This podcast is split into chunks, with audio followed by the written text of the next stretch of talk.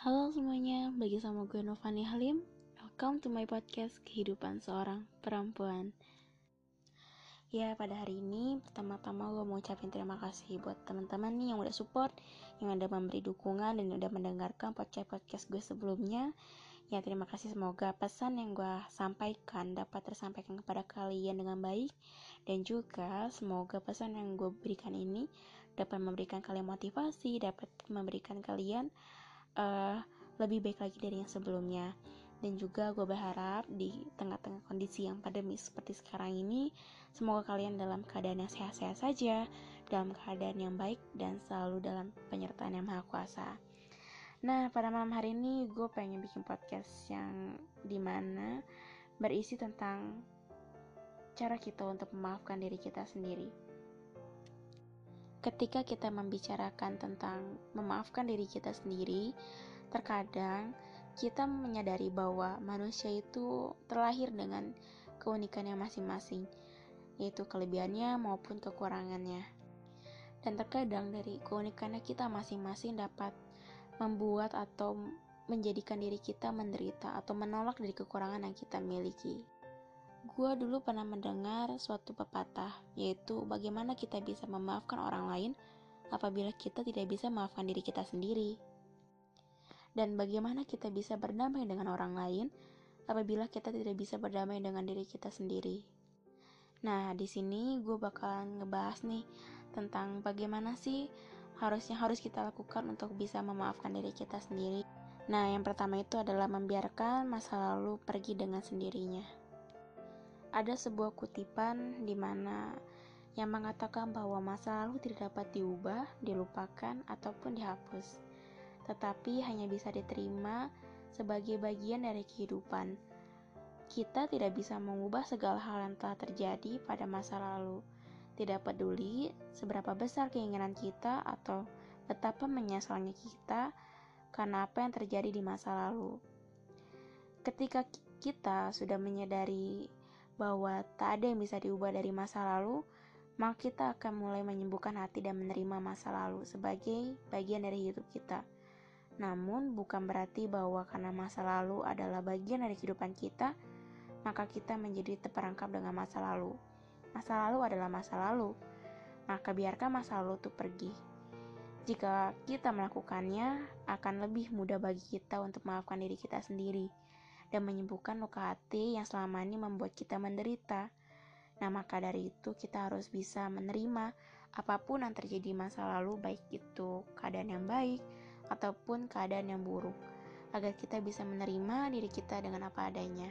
Nah, yang kedua itu adalah jangan menyembunyikan masalah, tetapi menyadari dan belajar dari kesalahan. Gue yakin dari kita tuh sering banget mendengar bahwa guru yang terbaik itu adalah pengalaman. Jika pada masa lalu kita membuat banyak kesalahan yang menyebabkan diri kita ataupun orang lain tersakiti, maka kita harus jangan sampai kita mengujikan masalah-masalah atau kesalahan-kesalahan kita yang telah kita lakukan di masa lalu.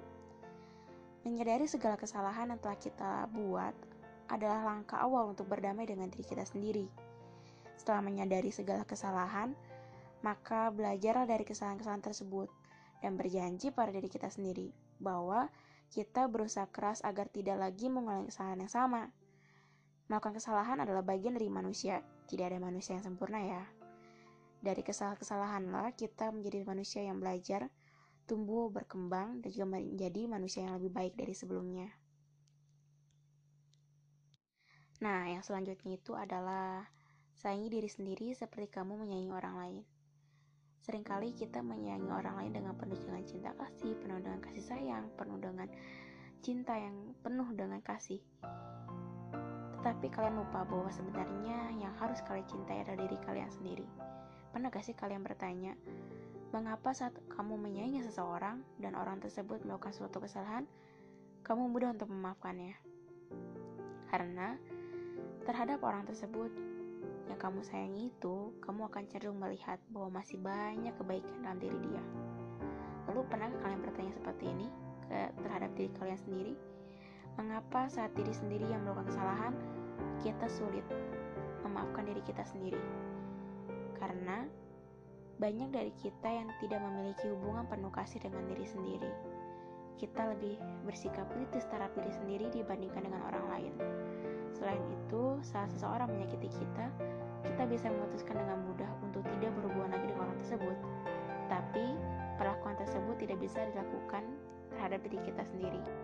Oleh karena itu, kita harus bisa menghargai dan menyayangi diri kita sendiri, seperti kita menyayangi dan menghargai orang lain. Jika kita berhasil melakukan keduanya tersebut, maka kita akan lebih mudah untuk memaafkan diri sendiri, karena kita menyadari bahwa diri kita itu adalah berharga. Nah, yang terakhir adalah kita harus ingat bahwa di dunia ini tidak yang sempurna. Ya, seperti yang udah gue bilang nih sebelum-sebelumnya, bahwa di dunia ini tidak yang sempurna. Kesempurnaan hanya dimiliki oleh Yang Maha Kuasa, maka dari itu kita yang hanya manusia biasa pasti sering kali membuat kesalahan seperti manusia-manusia lainnya. Akan tetapi ketika kita menyadari bahwa manusia itu tidak ada yang sempurna, maka kita akan lebih mudah untuk memaafkan diri kita dan memperlakukan diri kita dengan baik. Karena ketika kita sudah mensugestikan hal tersebut dalam pikiran kita, maka secara langsung diri kita akan mentolerir setiap kesalahan-kesalahan yang tak kita buat. Nah, teman-teman itu adalah bagaimana sih cara kita untuk bisa memaafkan diri kita sendiri. Ya sering kali kita menyiksa diri kita sendiri dan membuat diri kita menderita, padahal dalam kenyataannya hidup hanya sekali. Hidup itu milik diri kalian sendiri, bukan milik orang lain. Maka dari itu, sayangilah diri kalian sendiri. Ketika kalian sudah bisa memaafkan diri kalian sendiri dan menyayangi diri kita, kalian sendiri, kalian secara tidak langsung akan mendapatkan kebahagiaan yang sebenarnya. Kebahagiaan yang tidak bisa tergantikan oleh orang lain. Nah, teman-teman, segitu dulu ya podcast dari gue.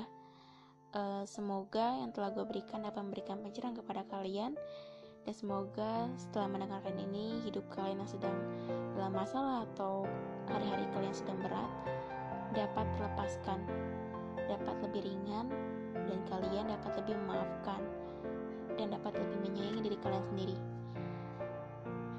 Bersama saya Novani Halim, sampai bertemu di podcast selanjutnya.